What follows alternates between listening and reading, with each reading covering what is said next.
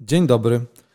Nazywam się Sławomir Kalwinek. Zaczynamy filmową migawkę. Podcast produkowany w Wytwórni Filmów Oświatowych, realizowany razem z Akademickim Ośrodkiem Inicjatyw Artystycznych w Łodzi i studentami filmoznawstwa Uniwersytetu Łódzkiego.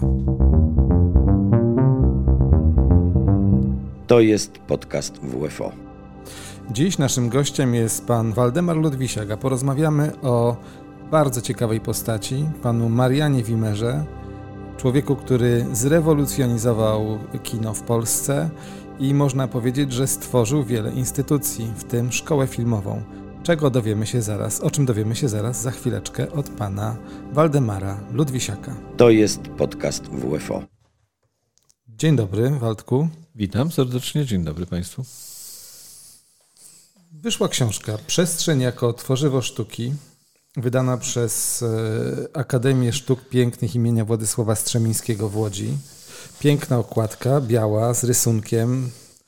E, w środku możemy zobaczyć, że e, ta książka pod redakcją Aleksandry Sumorok i Tomasza Załuskiego ma dedykację i to jest dedykacja właśnie redaktorów. Dlaczego dostałeś tą dedykację? No, poniekąd mam taką zasługę, że no, swego czasu tę książkę panu Załuskiemu przedłożyłem. Powiedziałem, że ta książka nie jest nigdy wydana, nikt o niej nie wie, a warto, żeby on i jego instytucja, którą reprezentuje, się tą książką zajęli. Kim był Wimmer? Bo teraz przejdźmy już do konkretów. Dlaczego ta książka jest taka ważna? E, może tak, e, to jest e, no, pytanie zasadnicze. Dlaczego osoba tak wielka dla kultury polskiej, Marian Wimmer, został no, wygumkowany z przestrzeni? Mało tego, jego zasługi przypisano osobom, które z, z organizacją szkolnictwa filmowego powojennego nie miały kompletnie nic wspólnego. Tutaj mowa jest o Jerzym Teplicu. Powoli zaczyna się taki serial o panu Teplicu. Ale to nie ja jestem temu winien. Przecież historii się przypisuje. Proszę zwrócić uwagę na tablicę, którą ma na Piotrkowskiej Jerzy Teplic. Jest organizator Wyższej Szkoły Filmowej, co jest absolutną nieprawdą. Co udowadniamy właśnie w tej książce. Za chwileczkę będzie o, o Teplicu, a teraz porozmawiajmy o Marianie Wimerze. E, postać wyjątkowa. Wyjątkowa przez e, swoją e, wielkość i obszar zainteresowań. Może, może coś, znaczy na początku opowiem Państwu o tym, kim był Marian Wimmer. Z wykształcenia architekt, ale również z wykształcenia malarz i z wykształcenia pianista koncertowy. E, członek socjety zakopiańskiej, mimo że studiował w Lwowie, ale ze względów zdrowotnych chorował na, przez całe życie na, gruźlicę.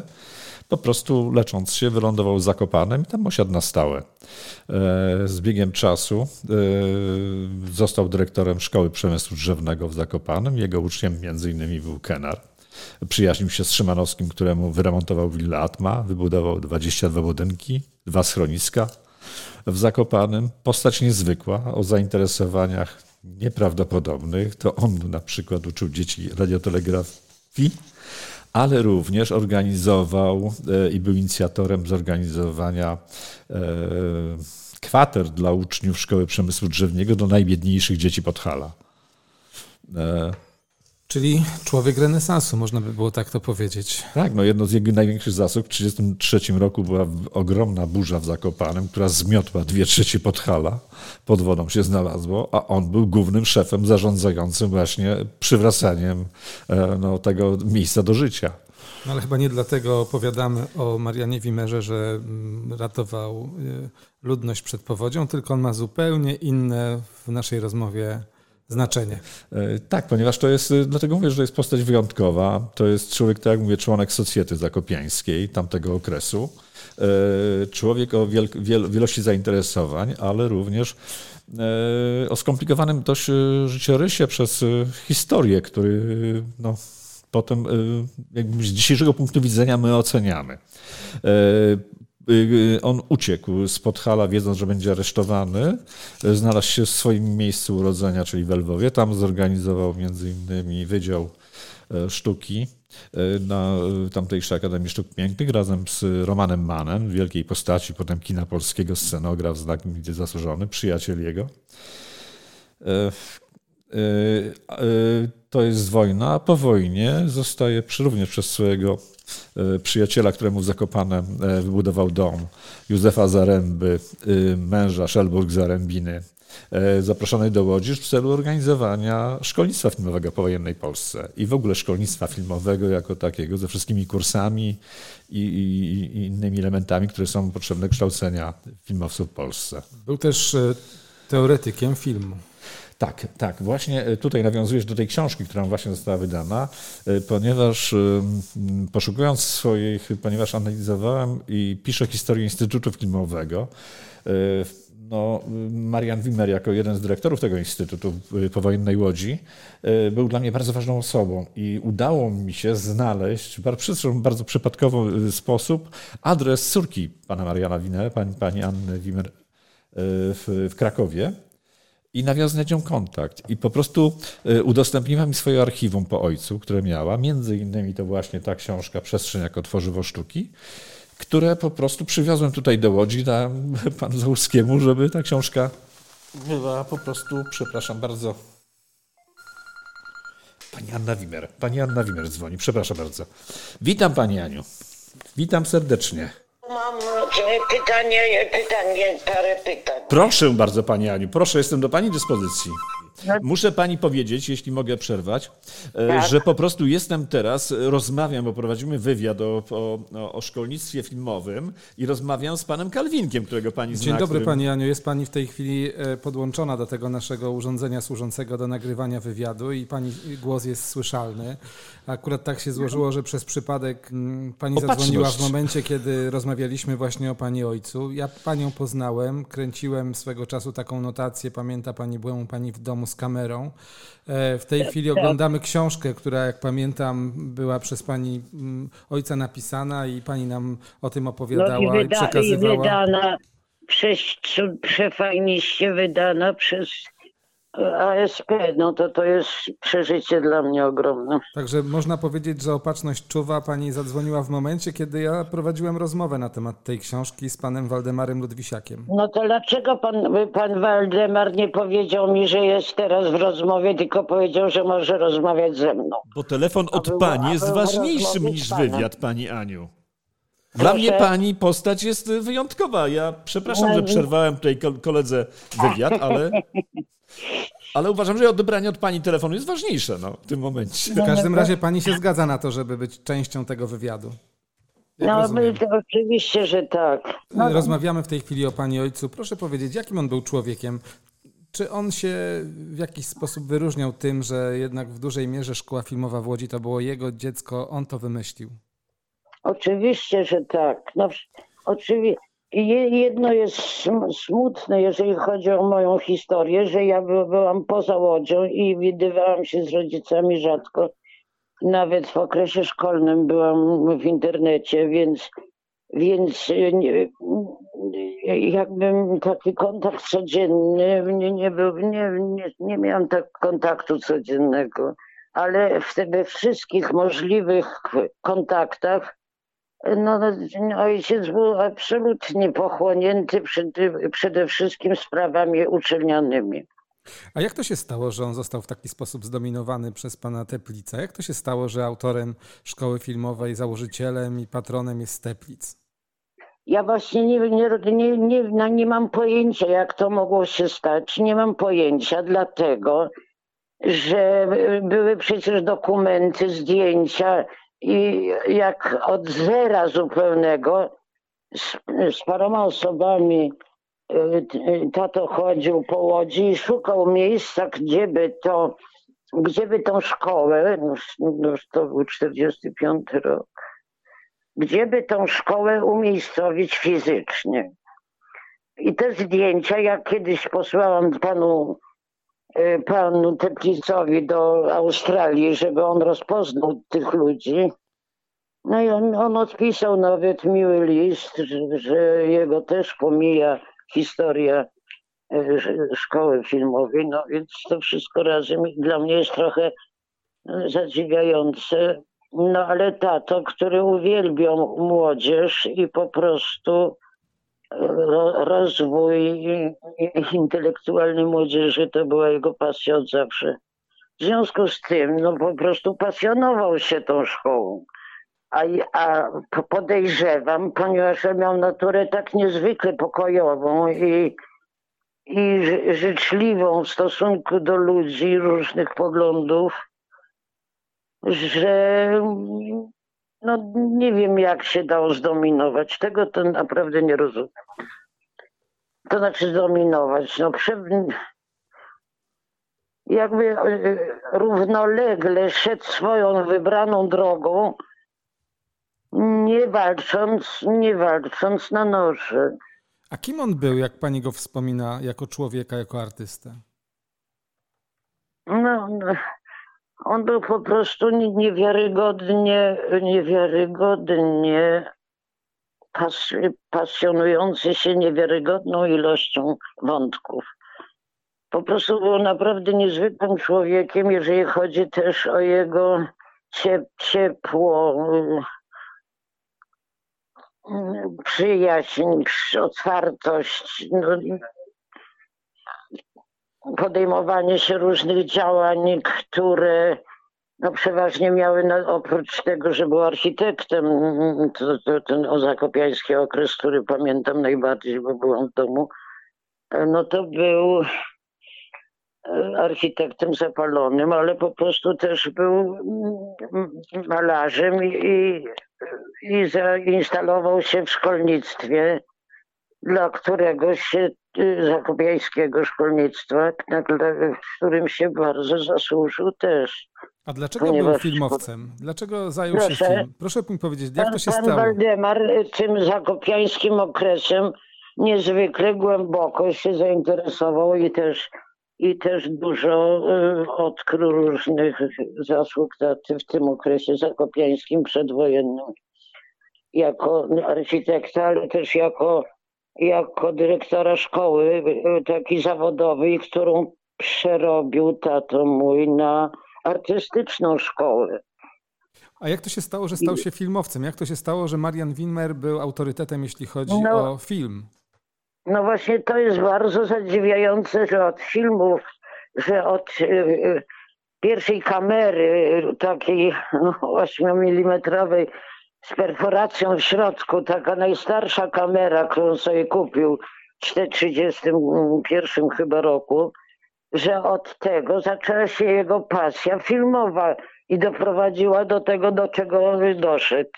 Że on był po prostu y, pasjonatem w każdej dziedzinie, do której się zabrał. Że od kamery y, Paté najstar najstarszy, jaką widziałam. 9,5 mm szerokość taśmy. Nie, właśnie 8, 8 to 8. jest. Perforacja środkowa, ona jest bardzo nietypowa i dlatego nie mogłam długo znaleźć. E, to jest, zaraz zobaczę. No ta perforacja w środku wszystkich zadziwia, bo to jest starość nie z tej ziemi. To znaczy, to była taśma Pate Petit, jeśli się nie mylę, taka zupełnie nietypowa, ale znaleźliśmy możliwość e, odtworzenia tej taśmy na bardzo archaicznym projektorze, który znajduje się w Muzeum Kinematografii w Łodzi i udało się nam e, zeskanować tą taśmę i stworzyć z niej kopię cyfrową. No właśnie, no to się udało na szczęście. No więc, no więc o, taka droga filmowa to jest rzeczywiście zadziwiające. Trzeba mieć ogień w sercu, żeby się tak rozgrzać w każdym temacie, jakiego się podejmował. Pani również mieszkała w Łodzi. Pani była razem z ojcem tutaj, kiedy on był e, jednym z założycieli, a potem dyrektorów szkoły filmowej w Łodzi. Nie, nie byłam w Łodzi właśnie wtedy, po, ponieważ rodzice Zakopanego przenieśli się do Łodzi. Wtedy jakieś czasy były trudne, jak się jak wiadomo. I wynajęcie mieszkania było jakimś zadaniem może ponad możliwości.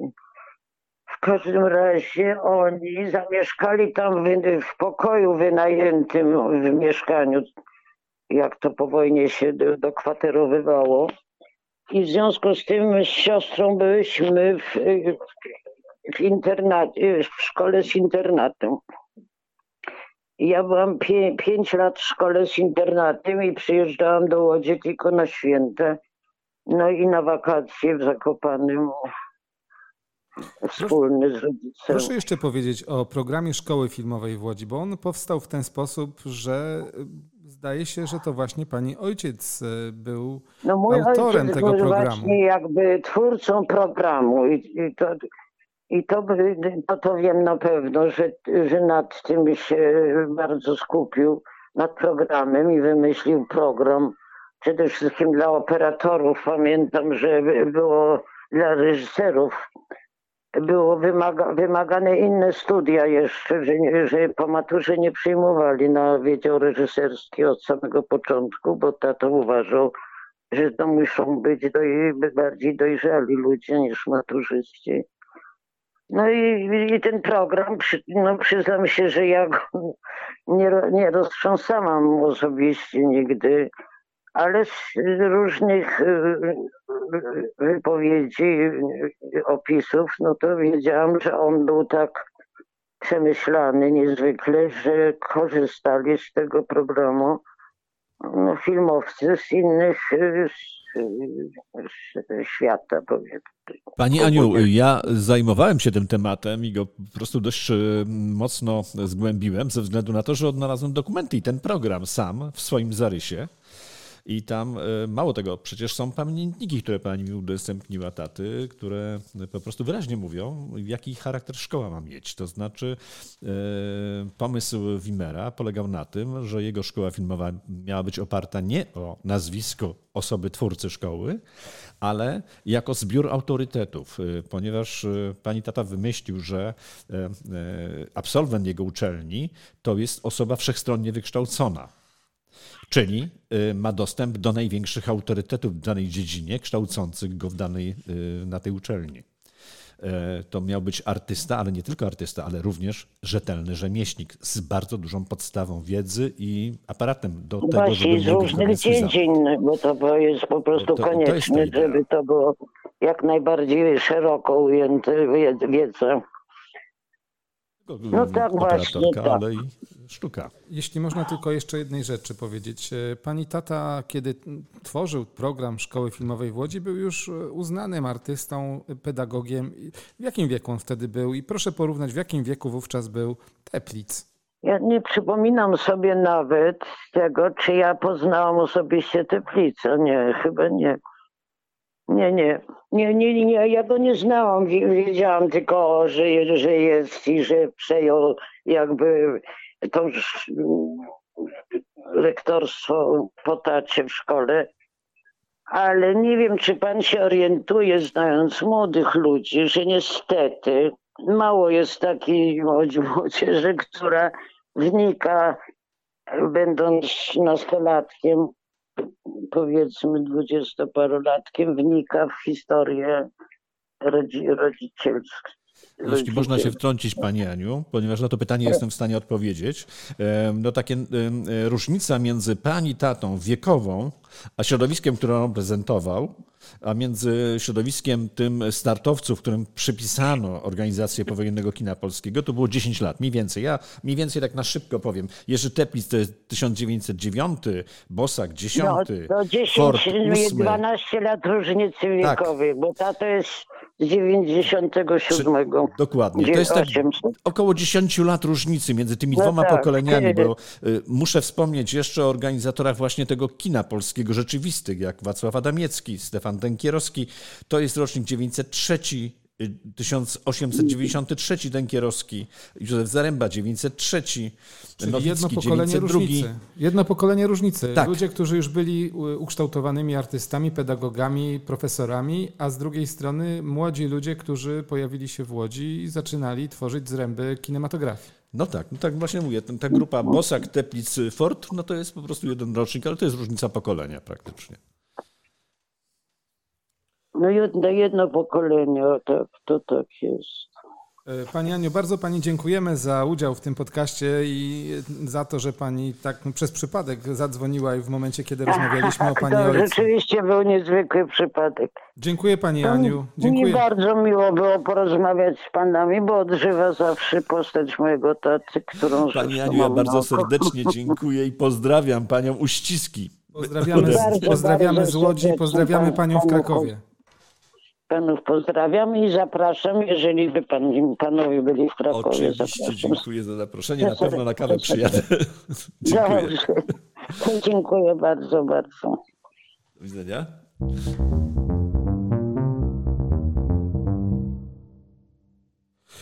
No tak niespodziewanie właśnie się zdarzyło, że nasza e, rozmówczyni sama się, można powiedzieć, wprosiła, ale to było bardzo dobre wproszenie, ponieważ rozmawialiśmy o jej ojcu, o Marianie Bernardzie Wimerze, a rozmawiała z nami jego córka Anna Wimer, osoba już w tej chwili wiekowa i no, dzięki, dzięki Bogu ona jeszcze nie tylko, że rozmawia, ale pamięta swojego ojca i pamięta jego zasługi dla kinematografii polskiej.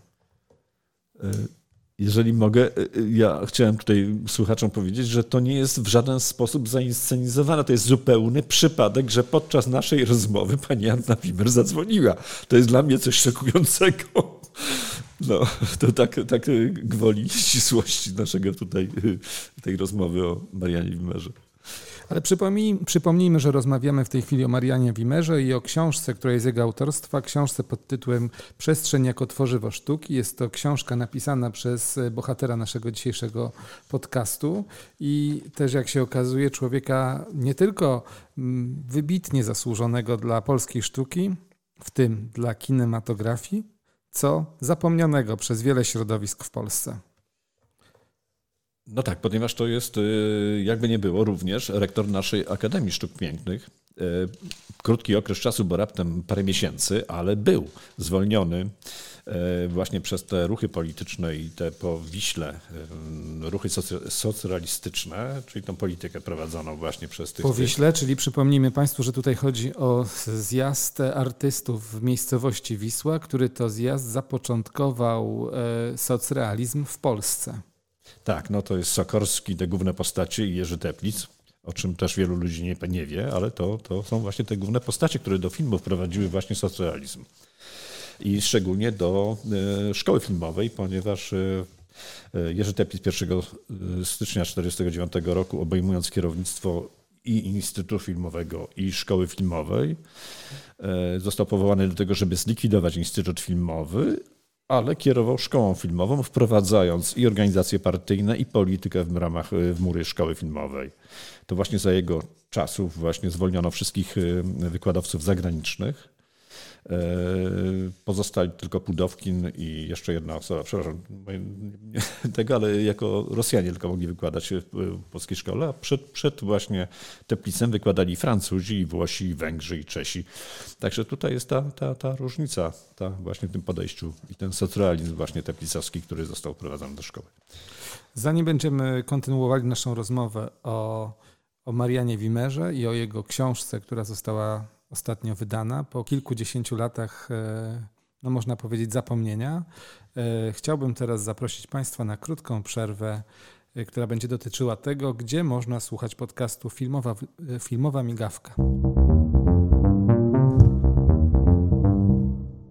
Naszych podcastów możecie Państwo słuchać na platformie YouTube, Spotify, Apple Podcast, Google Podcast oraz na stronie Akademickiego Ośrodka Inicjatyw Artystycznych.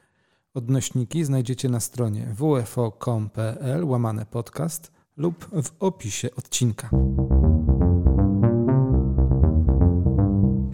A my wracamy do rozmowy z panem Waldemarem Ludwisiakiem, badaczem historii filmu i człowiekiem, dzięki któremu między innymi została wydana książka Mariana Wimera, jak się okazuje, jednego z głównych, jeżeli nie głównego założyciela szkoły filmowej w Łodzi, a na pewno człowieka, bez którego nie byłoby kinematografii w Polsce powojennej. No, słowa takie, że kurczę, człowiek, człowiek przesiada, ale może, może od początku. Ponieważ tutaj mało musimy powiedzieć, że nie, bo wygląda na to, że prowadzimy narrację, że właściwie to Marian Wimer, a przed nim nic. Głucha cisza. Nie, to nie jest tak. Ciągłość historyczna wszelkich instytucji powojennych wszystkich, łącznie z filmem polskim, łącznie z wytwórnią filmów oświatowych czy, czy innych instytucji, ma swój, swoją ciągłość przedwojenną. I tutaj nie można po prostu, nie, mówiąc o szkole filmowej, nie wspomnieć takiego nazwiska jak Wacław Adamiecki. Jest to ogromnie ważna postać. Nie można pominąć Stefana Denkierowskiego, przedwojennego prezesa Naczelnej Rady Przemysłu Filmowego w Polsce po wojnie e, pierwszego dyrektora wytwórni, założyciela wytwórni filmów fabularnych w Łodzi. E, e, a Wacław Adamiecki to jest praktyczny założyciel przedsiębiorstwa państwowego Film Polski, bo to jest z wykształcenia człowiek, znaczy człowiek, który dysponuje wiedzą i aparatem do tego, żeby to przedsiębiorstwo założyć. Z wykształcenia jest organizatorem przedsiębiorstw. przedsiębiorstw. E, po ojcu. Jego ojciec profesor e, Akademii Warszawskiej, również specjalizował się w zarządzaniu wielkich przedsiębiorstw i organizacji przemysłowych. E, I ci ludzie są niezmiennie ważni, ponieważ przed wojną Naczelna Rada postanawia założyć szkołę filmową, w której referentem, żeby tutaj, tutaj powiedzieć, ale referentem zaznaczam, jest Jerzy Teplic. Natomiast w tej radzie są delegaci z największych związków filmowych przedwojennych. I tutaj, znaczy, jeżeli przyjdziemy do tego, że Naczelna Rada postanawia, żeby uruchomić szkolnictwo filmowe, ale to szkolnictwo filmowe jest realizowane również przez y, Adamieckiego. Ja tutaj przeczytam coś takiego, taki fajny anons z 1939 roku. W skład zespołu wykładowców weszli. W nazwie podajemy tematy wykładów. Dyrektor Wacław Adamiecki, temat Warunki rozwoju filmu polskiego, film naukowy. Dołęga Mostowicz. Warunki rozwoju filmu polskiego i scenariusza. Scenopis. E, takie e, nazwiska również, e, które są dla Państwa no, bardziej rozpoznawalne. E, to jest e, Stefan Denkierowski, już o którym mówiłem, się zajmuje produkcją, ale również wykłady ma Jerzy Waldorf, produkcja włosko-japońska. E, z takich jeszcze e, wielkich nazwisk, e, no Stanisław Rodowicz, no to jest postać wybitna, też zapomniana w ogóle w naszej historii. Tutaj Stanisław Piasecki, no, troszeczkę negatywna, ale tutaj on opowiada, znaczy ma wykłady jako film jako propaganda. E, ja Państwu tutaj przedstawiam e, te nazwiska z racji tego, że to jest e, wykładowcy pierwszego akademickiego kursu szkolenia filmowego przed wojną, który założył właśnie Wacław Adamiecki przed wojną jeszcze.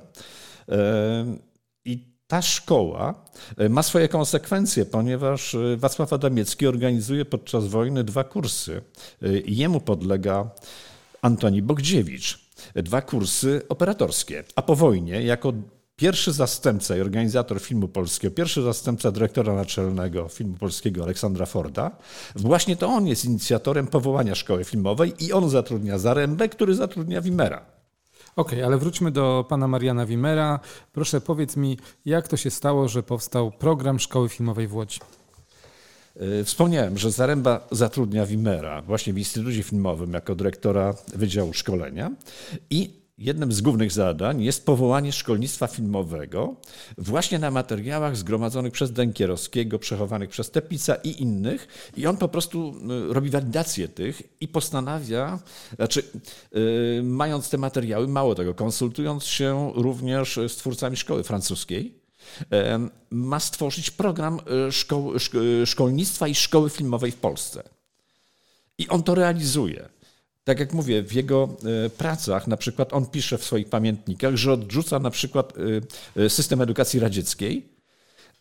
Wspomina również, że zna, zapoznał się z systemem szkolenia angielskiego i niemieckiego ale po prostu te, nie odpowiada to warunkom, w którym on ma działać i on postanawia stworzyć na tej bazie, bo tutaj chodziło przede wszystkim baza, kto ma uczyć i kto jest największym autorytetem. To, co wcześniej mówiłem, że człowiek, że on chce stworzyć szkołę opartą o najwybitniejszych autorytety w Polsce w danych dziedzinach, w której ma być, mają być wykłady prowadzone w szkole filmowej. Zresztą, co ciekawe, w początkowym okresie, w pierwszych miesiącach, to znaczy w 1946 roku, e, zakładając e, Wydział Operatorski na Państwowej Wyższej Szkole Sztuk Plastycznych, wtedy jeszcze Wyższej Szkole Sztuk Plastycznych, W Łodzi. W Łodzi, oczywiście w Łodzi, ponieważ yy, Wyższa Szkoła Filmowa została założona w 1946 roku. Co ciekawego, dysponujemy dokumentami, w którym jest yy, katalog. Yy, mało tego, jest specyfikacja kosztów prowadzenia szkoły. Ale wróćmy do tego, jak został stworzony program Szkoły Filmowej w Łodzi, w jaki sposób właśnie Marian Wimmer go skodyfikował. Y, Tak jak mówię, on mając y, różne materiały, czy przedwojenne, y, czy założenia przedwojenne, które po prostu mm, Rada, Naczelna Rada Przemysłu Filmowego już ustanowiła przed wojną, na jakiej bazie ma być tworzona szkoła. I on powiela ten troszeczkę ten, ten scenariusz, ponieważ przedwojenna szkoła miała się być powołana jako wydział Państwowego Instytutu Sztuki, y, Sztuk Teatralnych. E, On troszeczkę powiela, to znaczy on y, wychodzi z założenia, że szkoła ma kształcić w pierwszym no, rzucie operatorów filmowych, więc najlepiej będzie, żeby artysta filmowy, czyli operator, mógł być kształcony w szkole plastycznej. Stąd tworzenie wydziału filmowego już w 1946 roku w naszej szkole, ponieważ y, krakowski ten oddział ze względów y, y, kurs przysposobienia filmowego w Krakowie od grudnia, który działał do lipca 1946 roku, zostaje zlikwidowany.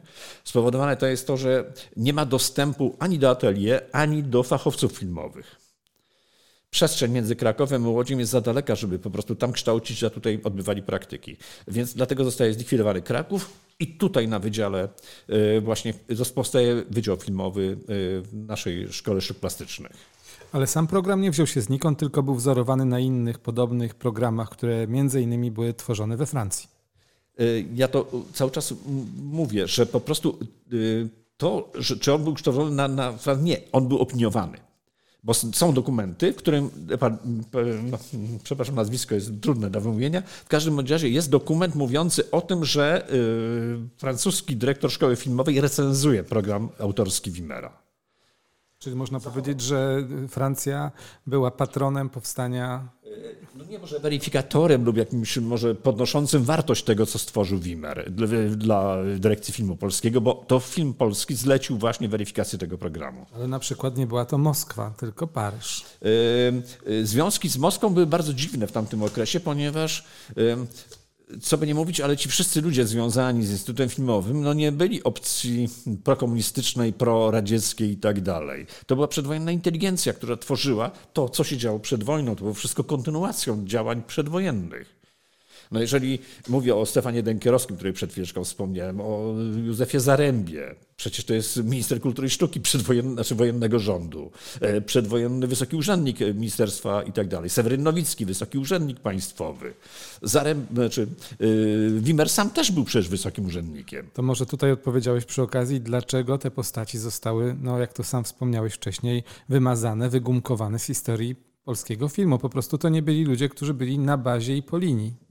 Ja bym troszeczkę tutaj troszeczkę zmienił tą narrację ze względu na to, że proszę, proszę zwrócić uwagę, że wszelkie publikacje naukowe, mało tego Bosak e, czy inni, pisali, że tak zwane to kino e, po prostu powstało z niczego w 1945 roku. Tak pisze, e, czy powiedzmy Zajcek, czy tak pisze Teplic, tak piszą inni, którzy po prostu no, ten tą granicę 1945 roku, wyznaczając, po prostu swoje zasługi podnoszą. I dlatego twierdzą, że kino wyłoniło się z nicości, jeszcze kiedy światło od cienia nie było oddzielone. No dokładnie tak jest. Właśnie to jest ta narracja, dla której tamci zostali wy, wygaszeni.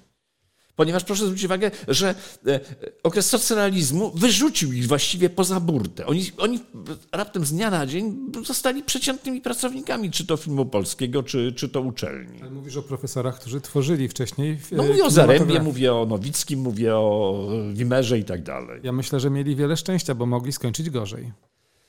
No, mogli skończyć bez pracy, na przykład y, bez chociażby przykład Strzemińskiego, Władysława Strzemińskiego, przecież to jest jeden z pierwszych wykładowców w, w szko- Wyższej Szkole Filmowej, który został zwolniony przez Teplisa, który się tym chwali. Dokumenty są na tym, że on się chwali, że wyrzuca człowieka, który nie prowadzi zajęć, tylko opowiada sobie beletrystyczne historyjki podczas wykładów o historii sztuki. No to są dokumenty, to nie jest tak. Mało tego, jeszcze tam jest taki, mm, no można przypisać mu jakiś taki odcień polityczny, że nie jest y, ugruntowany socrealizmem. No. To, to, to, to są to rzeczy, tak mało tego, żeby było jeszcze ciekawiej, zostaje zastąpiony przez dwóch ideologów z Piotrkowskiej z, ze szkoły partyjnej. Właśnie wykłady Strzemickiego. No. no nie przez przypadek mówi się, że film i cyrk są najważniejszymi ze sztuk. Po prostu kształtują. No, to akurat nie Lenin, ale tak się przyjęło mówić. Ja jeszcze bym tutaj dodał takich parę ciekawostek do tego, y, do tego czasu. E, czytając biografię wielu ludzi, czy to Wolfa, czy to innych, e, po prostu szukam tak zwanego gruntowania tego, co oni piszą po latach o sobie, albo o nich się pisze. I naliczyłem chyba dziesięciu wykładowców Wyższej Szkoły Filmowej, której przypisuje się organizację Szkoły Filmowej. Jest to o tyle dziwne, że ci wszyscy ludzie, łącznie z Teplicem, zostali zatrudnieni e, przez Wimera. Są umowy do dzisiaj funkcjonujące. Jeżeli oni byli zatrudnieni do tego, żeby wykładać na danym wydziale i założyli ten wydział, to założyli ten wydział. Ale nie można tego uogólniać na szkołę, a przypisuje im się organizację szkoły filmowej. Więc tutaj jest taka rzecz, którą ja będę mocno polemizował. E, i z którą będę, no, tak jak mówię, no, dyskutował, bo zwróćmy uwagę, że dlaczego się, jeżeli się innym przypisuje, czy Wolfowi, czy Bogdziewiczowi, czy innym właśnie organizacji szkoły filmowej, to dlaczego Jakubowskiej przecież też była wykładowczynią 1949 roku? Dlaczego Fordowi się nie przypisuje? Nowickiemu, którzy prowadzili katedrę, przecież oni prowadzili katedrę wręcz w szkole filmowej. I mnie, tylko wybranym się po prostu punktuje, że to oni byli akurat. Jak Twoje rewelacje są przyjmowane przez środowisko filmoznawców i historyków? Ale zaraz, jakie rewelacje? Ja po prostu bazuję na dokumentach. Ja nie, nie, no nie, nie, nie opowiadam rzeczy niestworzonych. Jak? E, powiem szczerze, że no mam problem na przykład, jak e, dyskutuję z panią dyrektor, znaczy dyskutuję, właściwie chciałem przedstawić, chciałem pomóc w organizacji wystawy. Zostały moje propozycje odrzucone. Po prostu sobie drwie również, pytając na przykład panią organizatorów tej wystawy właśnie o postacie, które zostały wygumkowane z historii kina, dlaczego ich na tej wystawie nie ma. A jakiej, jakiej wystawy? E, wystawa Łódź Filmowa. To jest stała wystawa w Muzeum Kinematografii, w której tych postaci, o których tutaj opowiadamy, e, o założycielach szkoły filmowej, o założycielach wytwórni filmowo-światowych, w ogóle o założycielach łodzi filmowej powojennej, nie ma nic. Kompletnie. Tam się tych nazwisk nie spotka. E, jak opowiadam o przedwojennym kinie łódzkim, e, powiązaniach właśnie Łodzi z kinem, e, no to, no to dla tych ludzi to jest zdziwienie absolutnie i przyjmuje, no nie wiem dlaczego, no nie ma akcentów łódzkich właśnie przez to, że łodzianie zorganizowali, mało tego, zrudzenia. No przecież Boksakowi nie można odrzucić, podważyć jego łodziańności, prawda? Czy Fordowi. No. E, organizatorów, tak jak mówię, tych najważniejszych instytucji, które do dzisiaj istnieją. No przecież Muzeum Kinematografii, e, dubbing, to przecież wszystko Łódź. Wytwórnia filmów oświatowych, Muzeum Kinematografii, e, Centralna Biblioteka Filmowa, która do dzisiaj istnieje, założona przez Wimera już w 1945 roku. Może ty po prostu burzysz jakiś mit, a mit jest bardzo ważny w życiu każdej społeczności. Ty burzysz w imię prawdy, ale prawda jest mniej ważna dla niektórych niż właśnie mitologia. No dobrze, no ale jeżeli zbrodniarzom na kulturze polskiej, bo dla mnie zbrodnią jest zniszczenie potężnego archiwum filmów przedwojennych z znakomitymi wartościami, chociażby ten przycytowany wcześniej film Żołnierze Madagaskaru, Żołnierz Madagaskaru, y, po prostu zostały zlikwidowane. Czy archiwa znakomitości filmowych, które, które przekazały w dobrej wierze Muzeum Kinematografii y, filmy, zostały z nich prze, przemielone na srebro. To już jakiś czas temu, oczywiście, nie teraz. No nie, no, 49 rok, no, ale to, to, to i przypisuje się im rzeczy, których nie dokonali, a wręcz mało tego, doprowadzili do ruiny szkołę filmową, no to przecież na to są. Tutaj rozmawiamy, ale przecież istnieje coś takiego, dokument, który nikt nie podnosi. Y, raport y, Najwyższej Izby Kontroli ze szkoły przeprowadzony w 1951 roku, na podstawie którego ucieka Teplic z Łodzi, ponieważ wskazuje się na jego nieudolność zarządzaniu tą szkołą i doprowadzaniu jej praktycznie do y, skraju likwidacji. To jest tylko dokument. Mit jest ważniejszy. No dobrze, no, z mitami ja mogę sobie po prostu po, po, po, podyskutować jako ten badacz, walidując dokumenty i tak dalej, opowiadać to, co opowiadam. Faktycznie mit będzie swoją drogą istniał, dalej będzie ulica Wimera, e, przepraszam, Teplica w Łodzi, dalej będzie gwiazda, na której będzie napis założyciel szkoły filmowej. Dobra, no niech sobie istnieje. Ja, ja po prostu mam swoją prawdę. Dziękujemy. Naszym gościem dzisiaj był pan Waldemar Ludwisiak. Dziękujemy za to spotkanie. Dziękujemy za tak niezwykłe, niezwykłą rozmowę, do której włączyła się pani Anna Wimer, czyli córka bohatera naszej dzisiejszej rozmowy. Dziękuję bardzo. Dziękuję. A my w takim razie będziemy już niedługo nas, słuchali następnego odcinka.